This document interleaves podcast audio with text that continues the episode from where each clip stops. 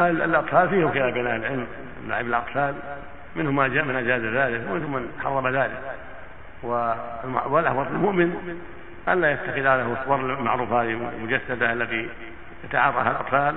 ينبغي له ألا يتخذها وأن يعوضهم الصور العادية التي يفعلها الناس قبل ذلك في أعواد يحط عود يحط فوق الشيء أو آه، أشبه ذلك مما ليس له صورة مجسدة آه، تشبه الصور التي لعن الرسول من فعلها عليه الصلاة والسلام. يعني الصورة العادية ليس فيها الصورة التي يصدق عليها الحديث من صورة كاملة. في رأس وعين وأنف ونحو ذلك. كذا أهل كان العرب سابقا يجعلون أحوادا أو عظاما ويجعل عليها ثيابا وعودا معترضا كأنه يدين. هذه أشياء لا لا تشبه الصورة. أما الصورة الموجودة الآن فهي صورة واضحة في التشبيه بخلق الله.